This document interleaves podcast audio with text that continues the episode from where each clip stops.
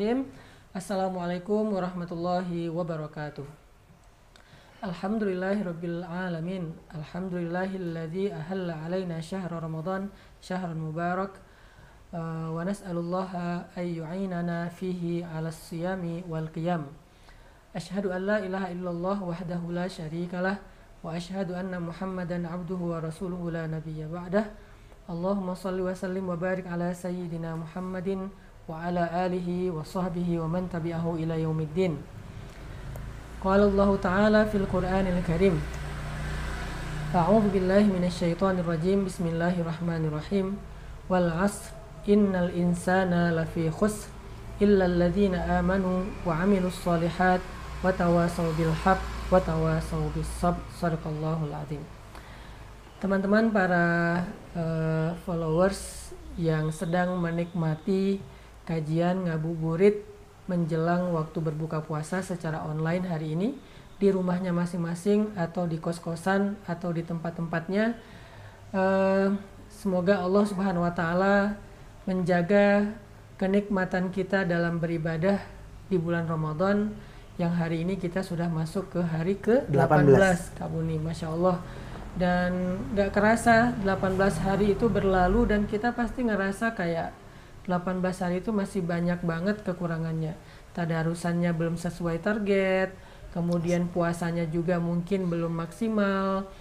Um, apalagi tarawehnya ada yang bolong-bolong, apalagi sekarang tarawehnya di rumah sebagiannya jadi agak berasa ngantuk, males gitu. Masih banyak lah ibadah-ibadah kita yang selama 18 hari ini mungkin belum maksimal.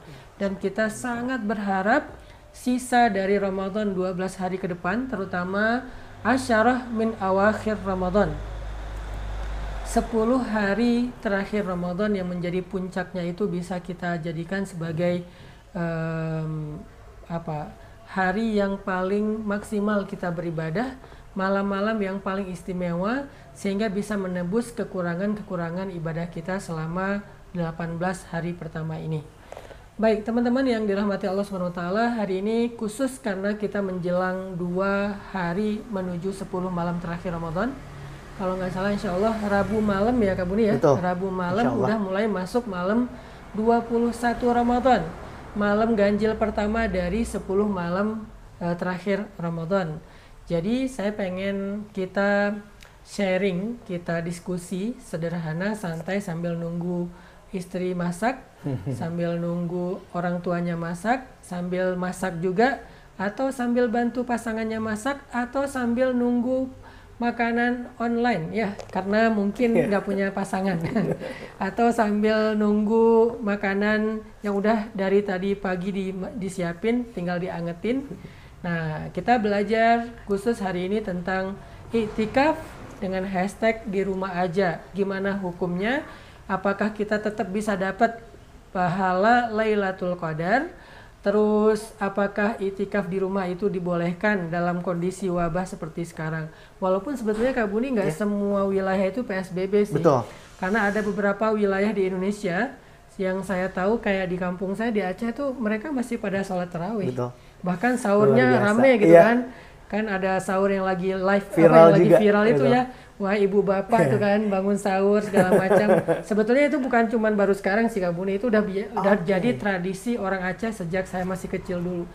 Dan saya pas ngeliat video itu jadi berasa kembali lagi ke masa kecil. Ya, ya. Waktu masih SD SMP dulu kan kita sempat jadi vokalis masjid lah. Oh, nah, jadi kita juga manggil-manggil tetangga untuk bangun sahur. Nah, tapi di wilayah di wilayah-wilayah itu mungkin nggak terlalu berasa ya efek dari corona itu secara pembatasan sosial berskala besar atau PSBB karena memang mereka masih melaksanakan ibadah itikaf di masjid. Yang jadi masalah ada beberapa wilayah terutama di perkotaan yang memang penularan virus ini agak cepat di perkotaan, terutama kota-kota besar Jakarta, Bandung, Semarang, Surabaya, Jogja, Makassar. Maka ada kondisi di mana kita memang mengharuskan diri untuk nggak ke masjid dan kita ini udah berapa minggu nggak sholat Jumat berjamaah di masjid. Kemudian taraweh juga tahun ini saya sendiri belum ngerasain taraweh di masjid tahun ini. Selalu tarawehnya di rumah. Di selain memang ada ada apa ada hikmahnya ya bisa taraweh bareng anak-anak bareng keluarga, tetapi juga kita kangen sama rumah Allah Subhanahu wa taala.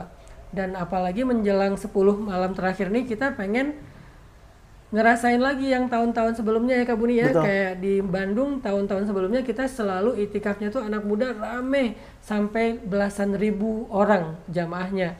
Dan kita bisa sholat satu juz satu juz setengah diimami oleh imam-imam muda kemudian doanya doa yang panjang tarawehnya di sebelahnya ada yang jual bala-bala gorengan segala macam. Pokoknya seru lah suasana 10 malam terakhir. Sedangkan tahun ini qadarullah eh, di beberapa wilayah kayak di tempat saya di Bandung kita nggak ngadain acara itikaf. Pertanyaan fikihnya gimana terus caranya kita beritikaf selama PSBB atau di rumah aja. Oke teman-teman yang dirahmati Allah Taala ngebahas bab itikaf saya mau bahas beberapa poin. Pertama itikaf itu adalah hobinya orang soleh. Itikaf itu adalah hobinya orang soleh. Karena Allah sering kali mendatangkan keajaiban setelah itikaf. Salah satu di antara keajaiban yang Allah datangkan dengan itikaf itu adalah itikafnya Nabi Zakaria alaihissalam. Ketika Allah Subhanahu wa taala menguji Nabi Zakaria dengan usia senja tapi belum punya anak. Lalu Nabi Zakaria itikaf di dalam mihrab beliau meminta kepada Allah untuk diberikan karunia anak yang solih, anak yang bisa meneruskan dakwah beliau, di mana Allah Subhanahu wa taala berfirman, hunalika da'a Zakaria rabbah. Fakharaja ala qaumihi minal mihrab. Fa'auha ilaihim an sabbihu bukrata wa ashiya. Ini dua ayat yang berbeda satu di surat Ali Imran satu di surat uh, Maryam yang menceritakan kalau Nabi Zakaria itu berdoa kepada Allah sambil beritikaf di mihrab beliau. Karena syariat itikaf ini beda-beda antara satu zaman dengan zaman yang lain di antara para nabi Nah, waktu itu Nabi Zakaria beritikaf di mihrab beliau dan mihrab beliau itu ada di masjid, yaitu Masjidil Aqsa. Jadi ketika Nabi Zakaria punya hajat besar, yaitu pengen punya anak, maka Nabi Zakaria beritikaf dalam waktu yang lama di mihrab beliau khusus di Masjidil Aqsa. Ngapain? Beliau berdoa, beliau sholat, beliau istighfar, beliau berzikir. Lalu beliau meminta kepada Allah, Rabbi, habli min ladunka dzurriyyatan thayyibah innaka sami'ud du'a. Rabbi massani yadurru uh, rabbi uh, wahana al'azmu minni washta'ala ar-ra'su shayba akun bidu'aika rabbi shaqiyya. Wa inni khiftu al-mawaliya min wara'i wa kanat imra'ati 'akira. Fahabli min ladunka waliya banyak lagi um, redaksi-redaksi doa dari Nabi Zakaria yang beliau sampaikan ketika beliau hunalika berada di dalam mihrabnya saat sedang beritikaf. Lalu dengan keajaiban ibadah itikaf Nabi Zakaria ini, Allah Subhanahu wa taala menerima doa beliau dan Allah berfirman, "Ya Zakaria, inna nubashshiruka bighulam ismuhu Yahya, lam naj'al lahu min qablu samiyya." Wahai Zakaria, kami sudah mendengar doamu, ibadahmu, salatmu, zikirmu maka kami perkenankan permintaanmu, engkau akan punya anak laki-laki. Beri dia nama dengan nama Yahya. Dan dia adalah anak yang sangat istimewa, belum pernah ada anak laki-laki seperti dia sebelum ini. Di sini kita belajar bahwa ternyata salah satu ibadah yang bisa menjemput keajaiban adalah itikaf. Makanya itikaf itu menjadi hobinya orang solih, bahkan para ambia seperti Nabi Zakaria. Kemudian kita juga membaca kisah keajaiban itikafnya Sayyidah Maryam di dalam surat Ali Imran dan di dalam surat Maryam juga di mana Allah berfirman um, fattakhadat min dunihim hijaba fa arsalna ilaiha ruhana fatamassala laha basharan sawiyya. Qalat ya lait uh, qalat inni a'udzu birrahman minka in kunta taqiyya. Qala innama ana rasulu rabbik liahabalaki gulaman. Maryam menghabiskan waktunya dengan cara membuat sebuah hijab. Hijab itu artinya pembatas.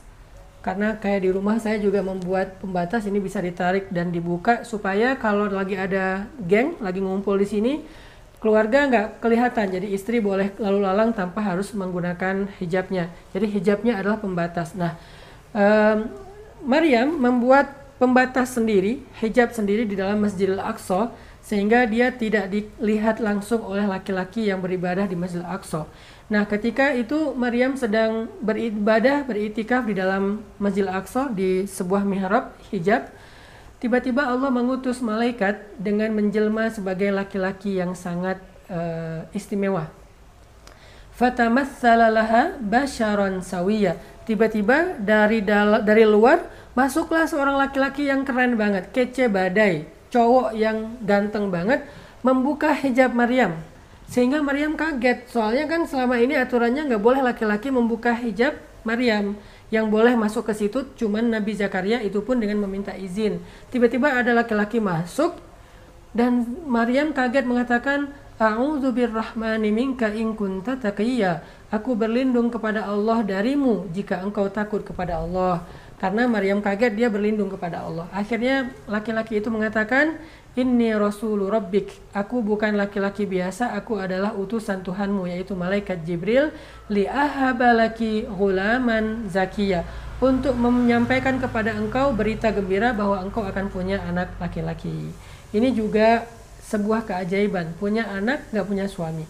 Tidak pernah pacaran, apalagi berzina, bahkan nggak pernah komunikasi sama cowok ajnabi yang bukan mahramnya. Ini saking terjaganya Sayyidah Maryam. Tapi tiba-tiba punya anak laki-laki kan keajaiban ya, e, kayak amazing gitu. Makanya di sini jadi pelajaran banyak keajaiban yang terjadi ketika kita beriktikaf. Banyak hal-hal yang di luar nalar kita terjadi dengan beriktikaf sehingga itikaf juga menjadi hobinya Sayyidah Maryam. Kita juga membaca kisah itikafnya Nabi Dawud dan Nabi Sulaiman. Kita membaca kisah itikafnya Nabi Isa alaihissalam dan yang terakhir kita membaca kisah-kisah itikafnya Nabi Muhammad sallallahu alaihi wasallam sebelum dan sesudah Islam. Artinya itikaf itu sudah menjadi hobi Nabi bahkan sebelum Islam. Bahkan dalam sebuah riwayat dikatakan Nabi pernah bernazar untuk itikaf sebelum Islam Lalu setelah datangnya Islam, kemudian beliau menaz, mena, me, apa, menunaikan nazar beliau tersebut. Jadi itikaf itu sudah menjadi hobi Nabi yang sebelum Islam dikenal dengan nama bukan itikaf, namanya tahanus berdiam diri di dalam gua Hiro. Itu hobi Nabi, terutama di bulan Ramadan. Ramadan. Makanya disebutkan dalam banyak riwayat bahwa Nabi di bulan Ramadan sebelum datangnya Islam sebelum dapat wahyu, beliau membiasakan diri untuk itikaf di Gua Hira selama bermalam-malam. Kalau udah habis bekal, beliau turun pulang ke rumah Khadijah, kemudian beliau uh, mengambil mempersiapkan bekal lagi, lalu balik lagi ke Gua Hira. Begitu terus sampai beres. Nah, ini artinya itikaf adalah hobi Nabi bahkan sebelum beliau dapat wahyu. Terakhir kali itikaf Nabi sebelum uh, kemudian itikaf itu menjadi sesuatu yang uh, dikhususkan uh, di masjid masjid uh, Nabawi terakhir kali yang saya tahu sejarahnya adalah itikaf Nabi di Masjidil Haram di dalam Ka'bah sebelum terjadi uh, perjalanan Isra Mi'raj. Jadi waktu itu Nabi diusir dari Mekah, kemudian beliau pergi ke Taif. Singkat cerita kita tahu beliau juga diusir di Taif Lalu beliau balik ke Gua Hira dijemput oleh seorang sahabat beliau yang bernama Mut'im bin Adi. Lalu beliau kembali ke kota Mekah tapi nggak nggak punya tempat untuk bermalam di kota Mekah. Sehingga karena beliau bingung mau nginep di mana, maka beliau menginap di masjid yaitu di Ka'bah di Hijr Ismail. Karena Hijr Ismail itu masuk dalam bagian Ka'bah sehingga siapa yang sholat di dalamnya berarti sholat di dalam Ka'bah. Siapa yang itikaf di dalamnya berarti itikaf di dalam Ka'bah.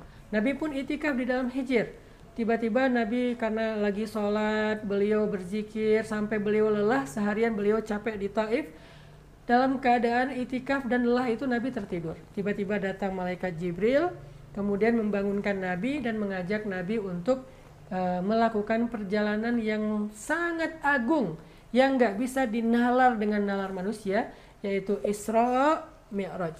Perjalanan di bumi dari satu tempat ke tempat yang lain berakhir di Masjidil Aqsa dengan sholat bersama para ambia, kemudian mi'raj perjalanan ke langit, bertemu dengan para nabi di setiap lapisan langit 1 sampai 7 dan puncaknya melewati Sidratul Muntaha dan bertemu langsung dengan Allah Subhanahu wa taala.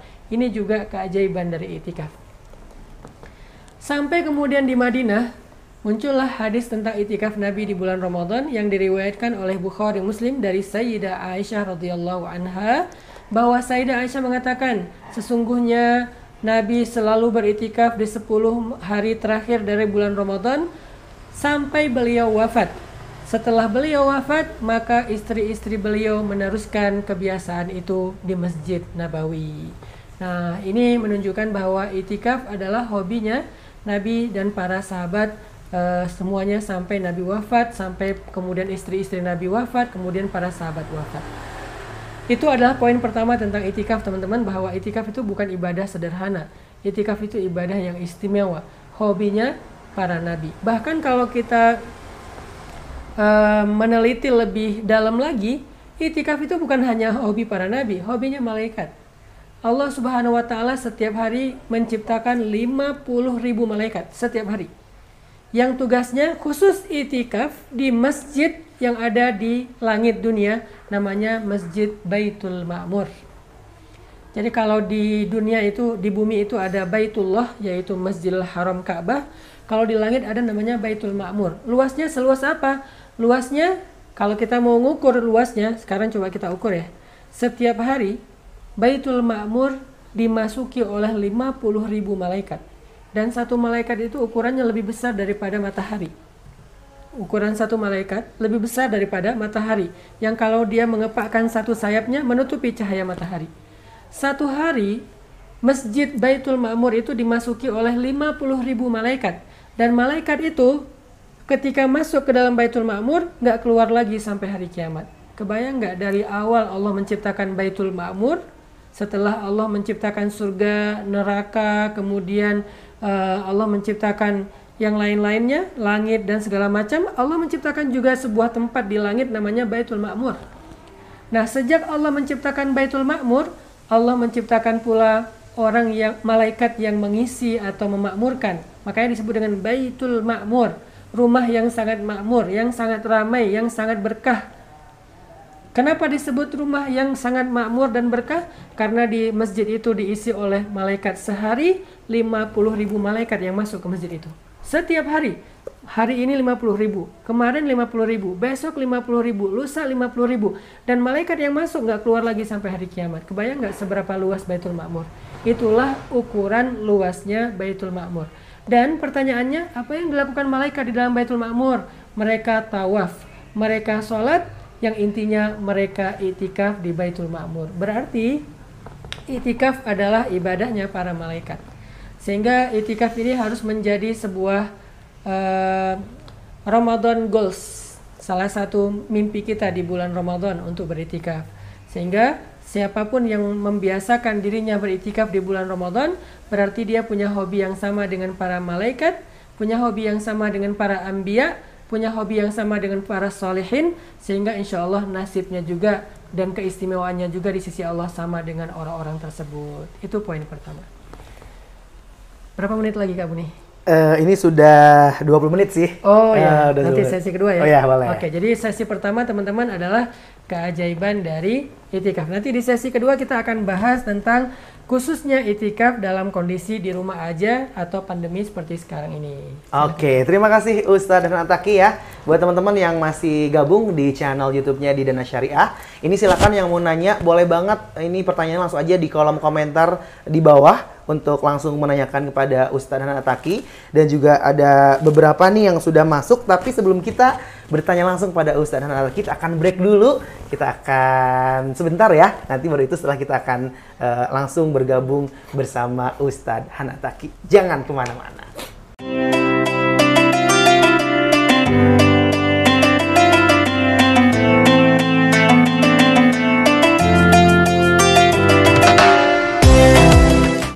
Ya, masih di channel YouTube-nya Dana Syariah dan masih ngabuburit ini Masya Allah luar biasa di kediamannya gurunda kita Ustadz Hanan Ataki ya. Dan seperti yang tadi udah Buni sampaikan, kita akan langsung masuk ke sesi Q&A yang pertama Ustadz. Ya. Tadi luar biasa hmm. banget bahwa uh, itikaf itu adalah hobinya orang soleh ya. Yeah. Para anbiya juga melaksanakannya juga. Terus juga ibadahnya para malaikat. Nah, ini ada yang bertanya juga Ustadz, ini bagaimana?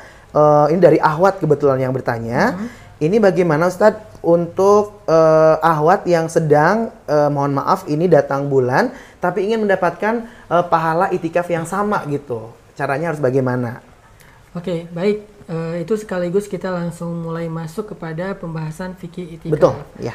Karena itikaf ini uh, secara bahasa artinya habsun nafs, me, apa, membatasi diri atau menahan diri di sebuah tempat. Jadi secara definisi itikaf dengan puasa itu ada kesamaan. Okay. Puasa itu secara bahasa artinya asyam huwal imsak. Puasa itu adalah menahan diri. Dan itikaf al-itikaf huwa habsun nafs. Uh, itikaf itu menahan diri di sebuah tempat. Kalau puasa menahan diri dari dosa, kalau itikaf menahan diri di sebuah tempat. Dan salah satu syarat dari uh, sahnya itikaf itu adalah ketika tempatnya adalah masjid masjid tempat orang mendirikan sholat. Walaupun ada ikhtilaf pendapat di antara ulama, uh, masjid yang dimaksud itu apakah masjid besar atau masjid yang uh, musola di sebelah rumah juga boleh, misalnya kayak kita di surau atau musola. Tapi jumhur ulama berpendapat bahwa masjid yang dipakai sholat lima waktu itu adalah dipakai sholat waktu lima waktu secara berjamaah itu adalah masjid untuk itikaf. Nah pertanyaannya untuk perempuan juga ada ikhtilaf. Ada yang mengatakan perempuan itu itikafnya uh, tidak harus di masjid. Ini pendapat sebagian dari mazhab Malikiyah dan Hanafiyah. Tetapi jumhur, arti jumhur itu mayoritas ulama berpendapat itikafnya perempuan juga di masjid sebagaimana yang dicontohkan oleh istri-istri Nabi Shallallahu alaihi wasallam. Nah, karena perempuan itu juga itikafnya di masjid, maka masjid itu ada um, uh, ada etikanya, ada adab-adabnya. Salah satunya adalah fikih masuk ke dalam masjid itu nggak boleh dalam keadaan haid kabuni. Hmm. Jadi perempuan yang sedang haid uh, dalam kondisi normal nggak boleh masuk masjid kecuali kondisi tertentu misalnya kondisinya perang dia harus bersembunyi di dalam masjid. Okay. Kondisinya dia nggak punya tempat tinggal sehingga dia harus di, diungsingkan ke masjid karena ada bencana. Tapi secara normal perempuan nggak boleh berdiam diri di masjid, hanya boleh melintas. Itu pun harus menjaga kebersihan. Jadi perempuan yang haid, maaf, maaf maksudnya perempuan yang haid nggak boleh berdiam diri di masjid, harus suci. Kalau dia haid hanya boleh melintas saja di dalam masjid atau hanya sekedar ngambil barang saja di masjid tapi tidak berdiam diri. Lalu bagaimana bagaimana dengan perempuan haid? Perempuan haid karena dia ada uh, uzur syar'i, maka dia boleh mengambil uh, musola pribadinya di rumah sebagai tempat itikaf walaupun sebagian besar ulama berpendapat dia tidak menjadi uh, kewajiban untuk melaksanakan ibadah itikaf. Uh, tidak ada anjuran bukan kewajiban untuk melaksanakan ibadah itikaf. Terus dapat pahala itikaf.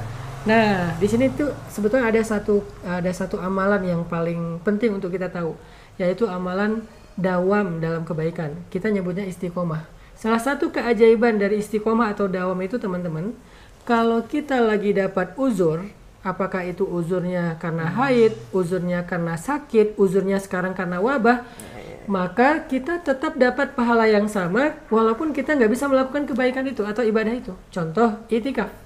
Kalau teman-teman udah biasa itikaf setiap tahun, tapi tahun ini kodarullah nggak bisa itikaf karena wabah, maka tetap mendapatkan pahala itikaf sama persis seperti yang udah kita lakukan di tahun-tahun sebelumnya. Itulah keajaiban dari dawam atau istiqomah termasuk perempuan yang biasanya itikaf atau dia secara normal 10 hari itu pengen itikaf tapi baru bisa itikaf di hari ke 25, 26 karena lima hari pertama kejebak dengan haid misalnya. Ya udah nggak apa-apa kalau dia udah membiasakan diri itikaf, dia dicatat itikaf setiap malam. Makanya orang yang istiqomah melakukan satu kebaikan, kayak dia tahajud, ada satu malam dia nggak bangun, maka dia dicatat udah tahajud dia eh, istiqomah tilawah satu hari satu juz. Ada satu hari dia nggak bisa satu juz karena ada uzur. Mungkin sibuk banget mungkin capek mungkin ketiduran. Dia dicatat sudah melakukan ibadah itikaf uh, ibadah tilawah satu juz. Nah dalam pertanyaan yang tadi maka dia tidak boleh itikaf secara normal. Karena dia lagi haid nggak boleh berdiam diri di masjid maka yang dia bisa lakukan adalah tetap beribadah di rumahnya dengan niat uh, pengen mendapatkan pahala itikaf sehingga dia tetap mendapatkan pahala itikaf kalau dia sudah membiasakan itu dalam kehidupan dia atau dalam uh, uh, tradisi Ramadannya pada tahun-tahun yang telah lalu. Oke, terima kasih Ustadz Hanatik untuk pencerahannya. Mudah-mudahan terjawab dengan tuntas ya. Dan ini juga ini masih nyambung dengan pembahasan dari Ustadz. Ini saya baru hijrah Ustadz. Hmm. Ini pengen tahu kalau misalnya ik- itikaf tuh tutorialnya ngapain aja gitu. Maksudnya apa yang kita lakukan ketika kita itikaf mau di baik di masjid maupun mungkin nanti di rumah mungkin Ustadz bisa menjelaskan. ini kita pakai fikih normal dulu ya, Ya. eh, sebelum nanti kita bahas tentang masalah fikih khusus, yaitu karena di rumah aja. Itikaf itu adalah ibadah yang kita lakukan di masjid eh, dengan cara tidak keluar dari masjid pertama. Jadi habsun nafsi fil masjid, menahan diri dalam masjid. Apa yang kita lakukan di dalamnya? Pertama, segala bentuk ibadah-ibadah ritual. Salat, kemudian membaca Al-Qur'an, kemudian berzikir, kemudian beristighfar, kemudian berdoa. Salah satu doa yang dianjurkan eh, pada malam-malam 10 terakhir Ramadan, terutama malam ganjil adalah ya, Allahumma innaka afuwun tuhibbul afwa fa'fu anni. Atau orang Indonesia menambahkan Allahumma innaka afuwun karim tuhibbul afwa fa'fu anna ya karim. Boleh. Itu doa yang diajarkan Nabi kepada Sayyidah Aisyah. Jadi salat salat apa namanya? Salat tahajud qiyamu Ramadan. Karena Nabi Shallallahu alaihi wasallam bersabda man qama lailatal qadri imanan wa ihtisaban ghufira ma taqaddama min siapa yang melakukan salat di malam Lailatul Qadar yaitu 10 malam terakhir karena kita nggak tahu yang mana Lailatul Qadarnya maka dihapuskan dosa-dosanya yang telah lalu. Salat malam namanya salat tahajud, qiyamu Ramadan, qiyamu Lailatul Qadar atau tarawih namanya banyak tetapi intinya qiyamu lail mendirikan salat malam. Kemudian baca Al-Quran boleh di dalam salat boleh di luar salat salatnya berjamaah atau sendiri-sendiri dua-duanya boleh bisa kita lakukan sendiri. Kalau kita pengen puas bacanya lebih panjang bisa ikut jamaah. Kalau memang kita pengen ngerasain eh, apa eh, apa gairahnya. Karena kalau rame-rame nggak gampang ngantuk. Kemudian baca Quran. Baca fakro ma tayassara minal Quran. Baca aja yang mudah-mudah dari Al-Quran atau sesuai target tadarus kita. Kalau memang pengen khataman lebih baik khataman berurutan. Kemudian zikir zikir apa? Banyak subhanallah alhamdulillah Allah akbar la haula wala quwata illa billah. Semua zikir-zikir yang masyru yang diajarkan Allah di Al-Quran dan Rasul di dalam sunnahnya. Kemudian memperbanyak doa. Em, kemudian apalagi istighfar. Banyak-banyak istighfar taubat dan usahakan sedikit tidur sedikit bicara. Selama itikaf di masjid. Sedikit tidur sedikit bicara bahkan Nabi di bulan Ramadan itu kalau udah itikaf hampir nggak tidur. Sahabat itu hampir nggak tidur. Mereka ti- tidurnya siang hari qailulah. Menjelang zuhur atau setelah zuhur. Jadi jam 11 sampai zuhur atau jam setengah satu sampai jam setengah dua. Satu jam atau dua jam tidur di siang hari. Malamnya full untuk ibadah. Kenapa? Karena memang sayang kalau dilewatkan dengan pembicaraan yang sia-sia apalagi bersenda gurau kalau sebentar untuk istirahat boleh lah tapi kalau sepanjang malam di masjid malah ngobrol namanya ya itikaf juga. Selama dia tidak bicara yang dosa cuman itikafnya kurang bermakna kurang berkualitas gitu kurang maksimal. Jadi apa pun ibadah ritual yang baik yang sunnah boleh kita lakukan di masjid selama itikaf. Oke, nah nampaknya sudah terjawab teman-teman. Dan sekarang kita akan lanjut ke yang tadi Ustadz sampaikan bahwa itikaf di rumah aja sesuai Betul. dengan tema kita hari ini harus apa yang dipersiapkan, apakah mungkin sama dengan yang tadi kalau itikaf di masjid atau di surau gitu Ustadz? Apakah Oke. yang eh, amalannya juga apakah mungkin ada yang mungkin bisa eh, kita laksanakan juga atau mungkin ada keutamaan lainnya? Silakan Ustadz bisa jelaskan kembali di sesi yang kedua ini ya. Ini langsung? Langsung aja, ada? ya. Eh, baik teman-teman, kita masuk kepada sesi yang kedua membahas tentang itikaf secara khusus. Kalau itikaf normal kita udah bahas tadi, berdiam diri di masjid, dalilnya banyak. Dia adalah tradisi para solihin, para malaikat, para nabi, para ambia. Dan dalilnya juga Allah berfirman, eh, wala tubashiruhunna wa antum aakifun. Janganlah kalian bergaul dengan istri kalian ketika kalian sedang beritikaf. Jadi bergaul di sini artinya hubungan suami istri. Makanya pas lagi musim itikaf kayak gini, laki-laki dengan perempuan suami istri memang harus menahan diri. Namanya juga hafsun nafs. Sama kayak puasa, eh, menahan diri, sekarang menahan diri. Kalau puasa menahan diri di siang hari. Betul. Kalau sekarang menahan diri di siang hari dan malam hari. Jadi selama 10 hari cewek-cewek bebas lah ya. Eh, karena eh, sebaiknya memang nggak ada hubungan suami istri. Nabi pun ketika sedang itikaf hanya disisir rambutnya oleh Sayyidah Aisyah. Tidak ada kemesraan antara Nabi dengan Aisyah secara berlebihan. Nah, kemudian juga uh, itikaf itu adalah ibadah selama kita berada dalam masjid. Kalau perlu, kalau di beberapa wilayah yang normal, selama itikaf jangan banyak menghabiskan waktu buat taklim bagusnya. Okay. Kecuali hanya sekedar membahas fikih dan etika itikaf. Karena banyak tempat yang itikafnya itu malah taklim full Betul. sampai tiga ustadz gitu iya, kan. Itu iya. sayang karena lagi masa itikaf itu bukan masanya taklim sebetulnya, masanya ibadah ritual berduaan antara kita dengan Allah. Jangan dihabiskan buat hal-hal yang sifatnya uh, tentang wawasan atau ilmu dulu. Boleh, tapi jangan kebanyakan. Kalau perlu cuman membahas uh, adab itikaf, uh, fikih itikaf, amalan itikaf udah setengah jam oh, selesai. Jangan dari jam 8 sampai jam 12 taklim. Udah gitu istirahat, jam 3 bangun. Aduh, waktunya sayang. Terlalu banyak dihabiskan buat yang bukan ritual. Itu normal. Nah, sekarang kalau kita bahas tentang itikaf khusus, saya yang maks yang dimaksud dengan itikaf khusus itu itikaf dalam musim corona atau wabah sekarang di mana kita sedang melakukan program pembatasan sosial berskala besar atau PSBB atau hashtagnya di rumah aja stay at home work from home. Um, prinsipnya gini, prinsipnya Islam itu adalah agama yang mudah. Bahkan di dalam Al-Quran sendiri, ayat tentang puasa Ramadan, surat Al-Baqarah ayat 185, Allah Subhanahu wa taala menyampaikan satu kalimat nih, ini kayak cocok nih buat tema kita Kata Allah di situ, yuridullahu bikumul yusra wala yuridu bikumul usr. Allah tuh pengen memudahkan kalian, Allah tuh nggak pengen menyusahkan kalian. Allah pengen memudahkan kalian, Allah nggak pengen menyusahkan kalian. Artinya Allah tahu banget ada kondisi-kondisi di mana kita nggak bisa maksimal melakukan ibadah, baik itu puasa, tadarus, termasuk nanti itikaf, sehingga Allah bilang ada kemudahan di situ. Yuridullahu bikumul yusra wala yuridu bikumul usr. Allah memberikan kemudahan. Nah, dalam kaidah fikih kemudahan ini disebut dengan istilah at-takhfif asy-syar'i, kemudahan yang dibolehkan oleh syariat. Kalau kita bahas tentang kemudahan yang dibolehkan syariat, uh, itu ada dua. Ada takhfif namanya takhfif uh, iskot, ada takhfif tabdil. Apa bedanya dua kemudahan ini? Ada kemudahan yang namanya takhfif iskot, yang kedua uh, kemudahan yang berbentuk takhfif tabdil. Kalau takhfif iskot, kemudahan yang pertama itu sifatnya adalah menggugurkan satu uh, syariat gara-gara ada uzur. Gara-gara ada kondisi tertentu. Misalnya kita nggak bisa uh, berhaji, maka gugurlah kewajiban haji karena belum mampu.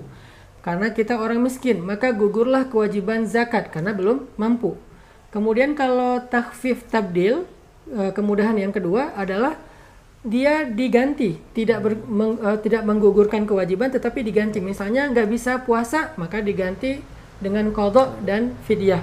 Nggak bisa uh, apa sholat maka diganti dengan menjamaknya atau nggak bisa sholat berdiri diganti dengan sholat duduk diganti dengan sholat berbaring. Ini namanya takfif tabdil kemudahan tapi ada gantinya tidak ber, uh, digugurkan sekaligus. Nah dalam konteks itikaf ulama berbeda pendapat. Mau mengambil takfifnya yang pertama atau takfif yang kedua nah kalau yang berpendapat takfif yang pertama berarti dia meyakini bahwa itikaf itu tidak sah kalau nggak di masjid sehingga kalau udah kita nggak boleh ke masjid, maka gugurlah anjuran itikaf. Sehingga siapa pun yang punya niat untuk beritikaf, tetapi karena kondisi sekarang nggak bisa itikaf, maka dia dicatat mendapatkan pahala itikaf karena niatnya, tanpa harus menggantinya dengan itikaf di rumah. Jadi dia tetap dapat pahala itikaf karena innamal a'malu bin niat. Kaidahnya adalah nih niat. Jadi la tahzan teman-teman. Kondisi kondisi kita itu tidak menghalangi kita dari Allah. Allah itu mudah banget. Allah tuh yuri dubikumul yusro. Allah tuh nggak yuri dubikumul osr. Allah tuh pengen memudahkan kalian. Kata Allah, Allah nggak pengen nyusahin kalian. Beda dengan manusia. Manusia kalau ada ada uh, uzur, ada masalah, kadang-kadang mak makin susah. Betul. Kayak misalnya orang berhutang, nggak bisa bayar, malah dilipat gandakan sama rentenir itu manusia. Kalau Allah itu memudahkan banget, itulah Islam. Jadi siapa yang takut dengan syariat Islam berarti dia nggak paham Islam, karena syariat Islam itu udah aturan yang paling mudah. Sehingga siapa pun yang mengambil pendapat yang pertama yaitu takhfif um, uh, apa namanya iskot keringanan yang menggugurkan kewajiban atau menggugurkan satu uh, keanjuran maka pendapatnya adalah tidak sah itikaf kalau nggak di masjid sehingga karena nggak bisa ke masjid maka dia tidak perlu melakukan itikaf pada tahun ini. Tapi dia tetap mendapatkan pahala itikaf. Kalau di hatinya ada keinginan yang kuat pengen itikaf ya Allah pengen banget itikaf tapi nggak bisa gimana dong? La tahzan. Allah maha tahu isi hati kita tetap dapat pahala itikaf secara sempurna. Tetap dapat pahala itikaf secara sempurna, sempurna. kalau kondisinya normal nggak bisa cuma niat harus dilakukan. Kalau kondisinya kayak sekarang cukup dengan niat asalkan niatnya jujur pengen itikaf. Jadi buat teman-teman yang udah biasa itikaf dapat pahala karena istiqomah. Kalau teman-teman yang baru mau itikaf tahun ini dapat pahala karena niat. Jadi dua-duanya dapat, nggak usah khawatir. Lagi pula untuk mendapatkan malam Lailatul Qadar itu bukan hanya itikaf ibadahnya. Jadi salah satu ibadah Lailatul Qadar itu itikaf, tapi bukan satu-satunya teman-teman. Sehingga para ulama mengatakan dalam kondisi seperti sekarang jangan sampai kita bersedih sehingga kita merasa kehilangan Lailatul Qadar enggak. Lailatul Qadar bisa didapatkan di rumah, di jalan, tetapi yang paling baik dalam kondisi itikaf di masjid. Tapi nggak harus kayak gitu kondisinya sekarang nggak mungkin. Maka kita bisa tetap dapat Lailatul Qadar di masjid di rumah dengan sholat malam dengan ngaji tilawah, dengan zikir, dengan istighfar, dengan bahkan bersedekah memberi makan sahur kepada orang yang mau makan sahur pada malam-malam 10 Ramadan terakhir. Jadi tetap dapat pahala ibadah yang lebih baik daripada ibadah seribu bulan yaitu Lailatul Qadar. Ini pendapat pertama Kak Buni. Pendapat yang kedua yaitu takfif tabdil. Um, keringanan dengan ada gantinya. Nah, pendapat ini pendapat sebagian kecil dari ulama. Tapi walaupun sebagian kecil, tetap aja pendapat ulama yang berlandaskan dalil sehingga kita harus saling respect. Terutama pendapat sebagian dari mazhab Syafi'iyah yang mengatakan itikaf tidak harus di uh, masjid, terutama buat perempuan. Dalam pendapat yang kedua ini, maka itikaf dengan kondisi PSBB yang khusus sekarang boleh dilakukan di musola di rumah. Kalau punya musola. Artinya kalau kan ada beberapa rumah yang tradisi di beberapa daerah itu satu keluarga besar dia punya satu musola kecil yeah. di sebelah rumah mereka.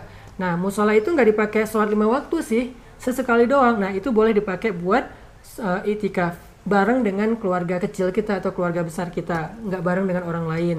Uh, kalau nggak punya musola kayak gitu, maka dia itikaf di satu tempat di rumahnya di pojok dibikin semacam musola uh, sehingga dia tempat itu akan diniatkan uh, sebagai musola jadi nggak boleh di situ dalam keadaan junub nggak boleh di situ dalam keadaan haid nggak boleh bermaksiat di situ di, di situ hanya dipakai buat ibadah saja selama bulan Ramadan itu juga dibolehkan untuk pendapat yang kedua. Kenapa? Ada satu kaidah yang dianut oleh pendapat kedua, kaidah fikih bahwa kata ulama al-masyaqqah tajlibul taisir. Kesulitan atau kondisi darurat mengharuskan adanya kemudahan. Sehingga dengan adanya kaidah ini para ulama mengatakan kemudahannya adalah itikaf di rumah. Kemudahannya adalah itikaf di musola pribadi, tapi di rumah pun tetap harus ada musola khusus.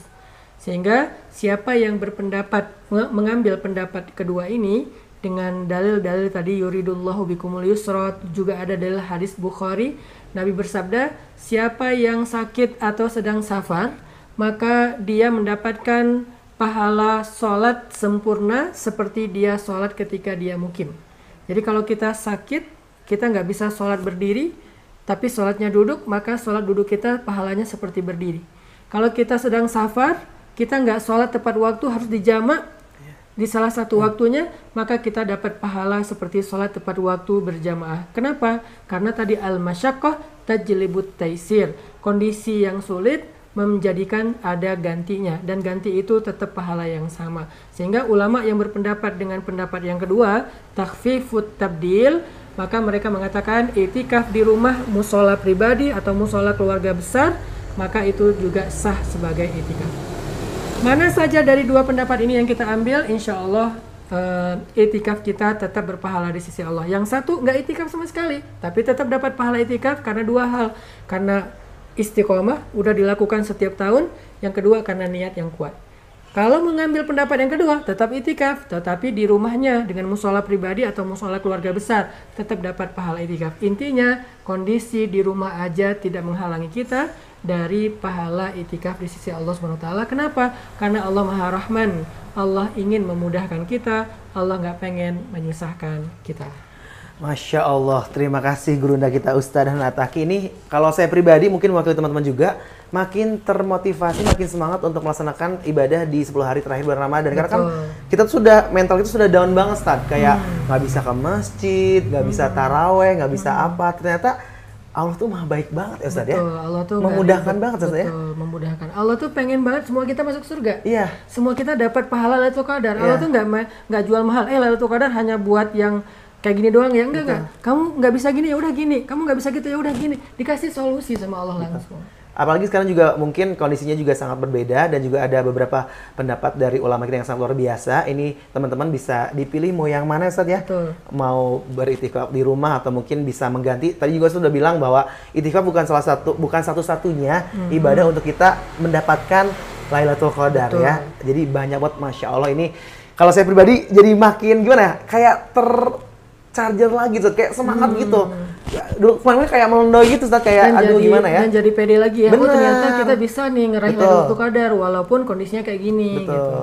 Itu kan mungkin kadang- kadang-kadang suasana juga yang mendukung. Kalau sekarang karena memang kondisinya berbeda, jadi ini eh, teman-teman bisa dengan semangat, mungkin sama kayak Buni juga, untuk bisa melaksanakan ibadah di 10 hari eh, bulan Ramadan ini ya. Ustadz, ini ada yang nanya juga nih, Ustadz. Hmm. Ini gimana, Ustadz, kalau misalnya mungkin 10 hari terakhir kan kita pengen eh, fokus beribadah, tapi mungkin ada tanggung jawab harus bekerja misalnya. Ini kalau eh, cara menurut pandangan Ustadz ini untuk membagi waktunya antara mungkin kewajiban kita harus mencari nafkah sama mungkin beribadah sama Allah. Ini biar dua-duanya dapat atau mungkin lebih eh, dekat sama Allah juga tapi eh, kebutuhan keluarga terpenuhi itu bagaimana Ustadz?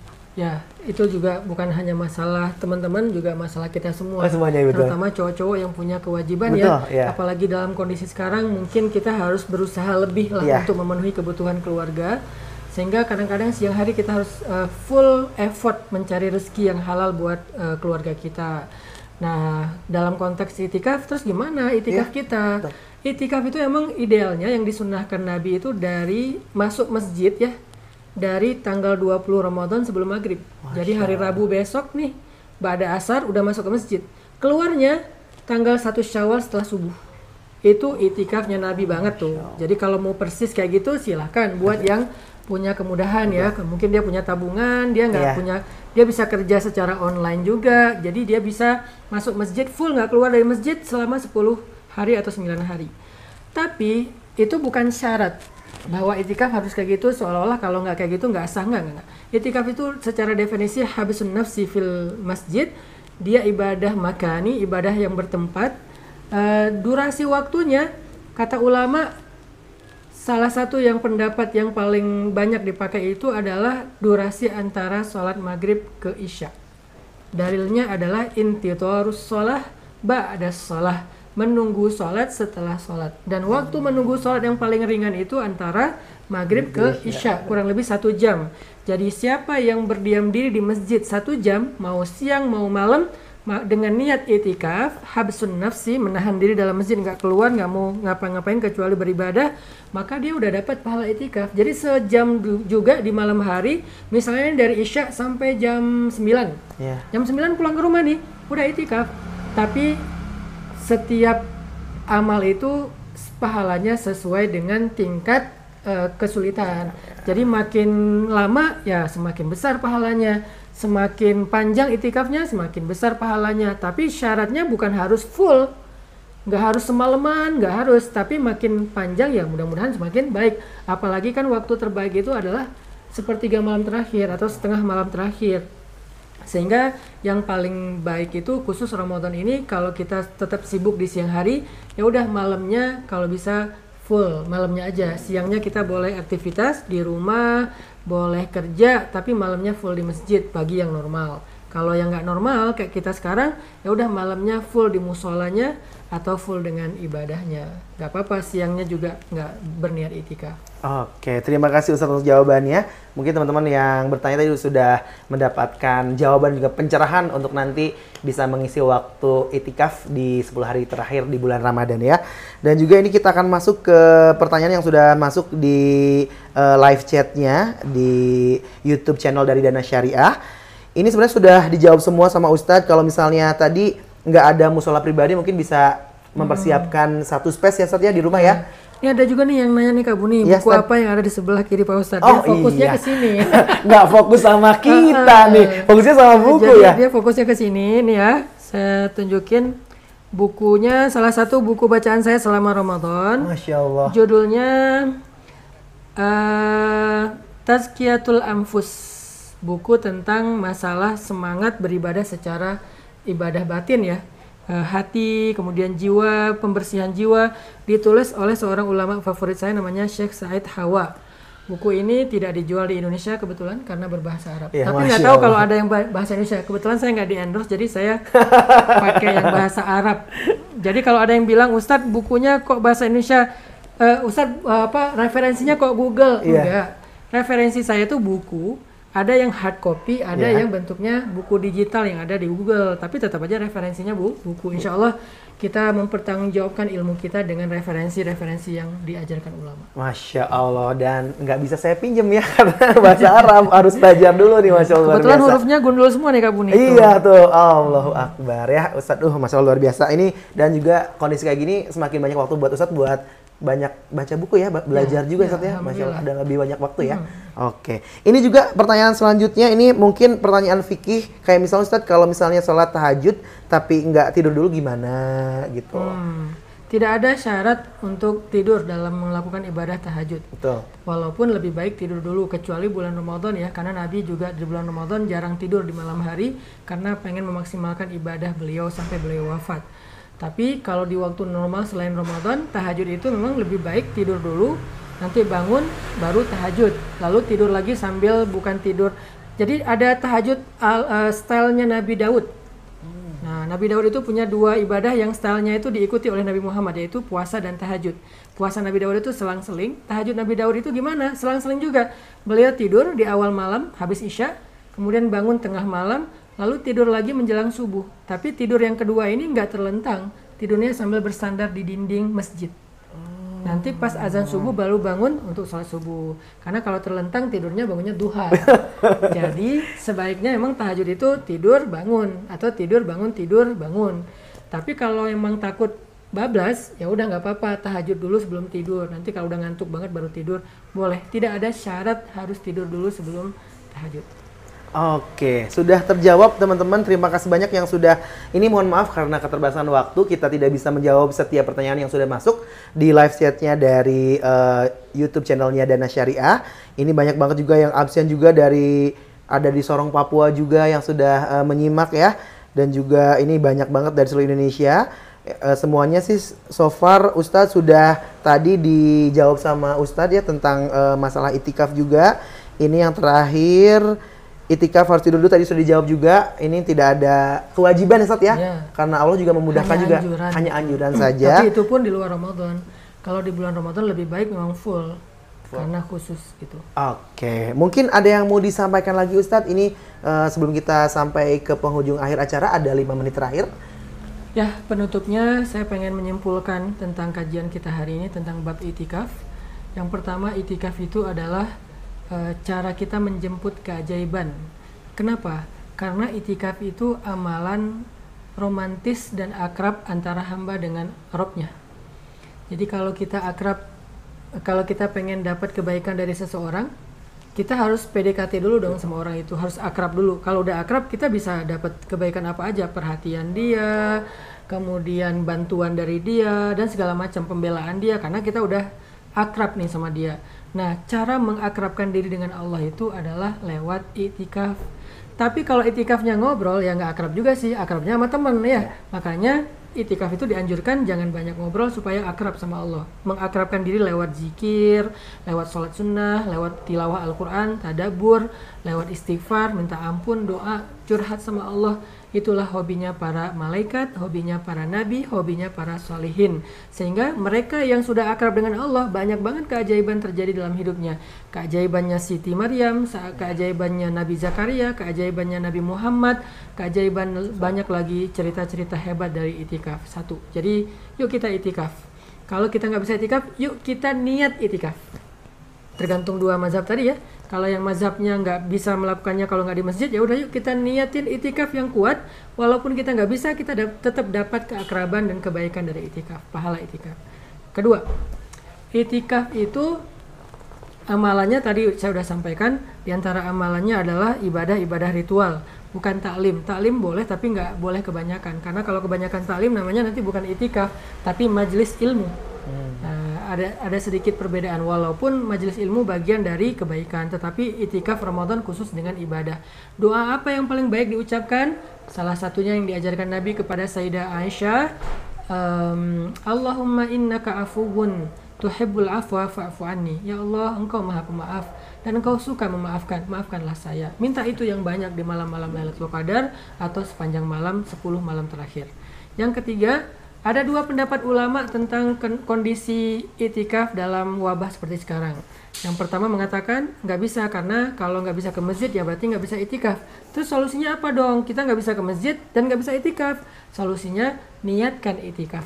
Semoga itikaf dengan niat di dalam hati pahalanya sama. Bukankah Nabi mengatakan siapa yang berniat melakukan satu kebaikan tapi tidak bisa melakukannya maka dia mendapatkan satu kebaikan yang utuh. Siapa yang bisa melakukannya mendapatkan sepuluh kebaikan yang nggak bisa mendapatkan satu kebaikan yang utuh seperti kita benar-benar melakukannya. Niatkan kebaikan. Atau yang udah mendawamkan itikaf setiap tahun istiqomah, maka berbahagialah karena teman-teman tetap dapat pahala itikaf tahun ini walaupun nggak bisa itikaf dengan berat hati. Kalau yang berpendapat kedua bisa diganti loh dengan di rumah dengan musola pribadi dengan musola keluarga besar, maka yuk itikaf di musola pribadi dan musola keluarga besar kita dengan syarat menjaga uh, adab-adab itikaf. Mudah-mudahan dengan kayak gitu kita tetap dapat pahala itikaf. Yang ke berapa? Ketiga. Ketiga. Mendapatkan Lailatul Qadar itu bukan hanya dengan itikaf. Ibadah untuk mendapatkan Lailatul Qadar itu semua ibadah yang baik. Sedekah di malam-malam eh, uh, 10 terakhir boleh. Tilawah Al-Qur'an boleh. Salat malam boleh. Zikir boleh. Doa boleh. Istighfar boleh Uh, menyambung silaturahim boleh, berbakti pada orang tua juga iya. Kadang ada yang malam-malam terakhir itu pas Lailatul Qadar, dia pas harus membantu orang tuanya karena orang tuanya dirawat di rumah sakit. Ya, ya karena ya. sekarang ada saudara saya, sahabat saya Ustadz uh, Abu Fida dan Ustadz Umar Mita, ya. kedua-duanya sedang merawat ayah beliau di, di rumah sakit masing-masing. Nah, bagaimana dengan kondisi kayak gitu? Jangan sedih. Kalau nggak bisa itikaf ke masjid karena harus merawat orang tua di rumah sakit, rawat orang tua. Jangan gara-gara itikaf orang tua ditinggal sendiri di rumah sakit ya. Ini egois nih. Jadilah seperti Uwais Al-Qarni, tetap dapat pahala itikaf dengan cara eh, tetap dapat pahala itikaf dan plus dapat pahala Lailatul Qadar beribadah dengan berbakti kepada orang tua. Berbakti kepada orang tua itu amal soleh by the way. Sehingga kita dapat pahala kayak berbakti sama orang tua selama seribu, seribu bulan. Oh, Kebayang nggak nungguin ayah kita sakit seribu bulan? Kan keren tuh. Lebih dari itu malah. Jadi semua ibadah, semua kebaikan. Termasuk kalau pada malam itu ternyata ada tetangga yang susah, kita bantu. Ada orang yang sakit, kita tolong dia untuk berobat. Eh, malam itu bertepatan dengan Lailatul Qadar. Berarti kita seperti orang yang bersedekah membantu orang selama seribu bulan. Oh, Jadi bukan hanya ritual ya. Apa pun kebaikan yang bisa kita lakuin selama malam-malam terakhir Ramadan dan bertepatan dengan Lailatul Qadar, kita insya Allah dapetin pahala Lailatul Qadri dengan semua amalannya khairum min alfi syahr lebih baik daripada beribadah selama lebih dari seribu bulan itu mudah-mudahan jadi motivasi. Alhamdulillah alamin karena kita sudah berada di acara buat teman-teman yang masih uh, standby di live uh, Insta, uh, YouTube dari Dana Syariah. Ini alhamdulillah ini kalau saya pribadi saat kayak handphone baru di charge full Wah, gitu. Allah, Semangat banget buat nanti 10 hari terakhir bulan Ramadan. Terima kasih banyak buat transfer ilmunya. Mungkin uh, terakhir ini ada yang mau Ustaz sampaikan atau ada doa penutup? Kita, Udah cukup aja? Ya, doa kafaratul majelis. Oke, siap. Silakan untuk itu terima kasih sekali lagi buat Ustadz Hana Ataki Sama-sama, ya. Eh, dan juga terima kasih juga buat Dana Mohon Syariah. maaf nih nggak dihidangin apa-apa. Eh kan lagi sahur, Oh, lagi iya. sahur nanti. Belum maghrib ya. Terima kasih buat Dana Syariah Indonesia yang sudah mensupport dan juga Lazis Pemuda Hijrah.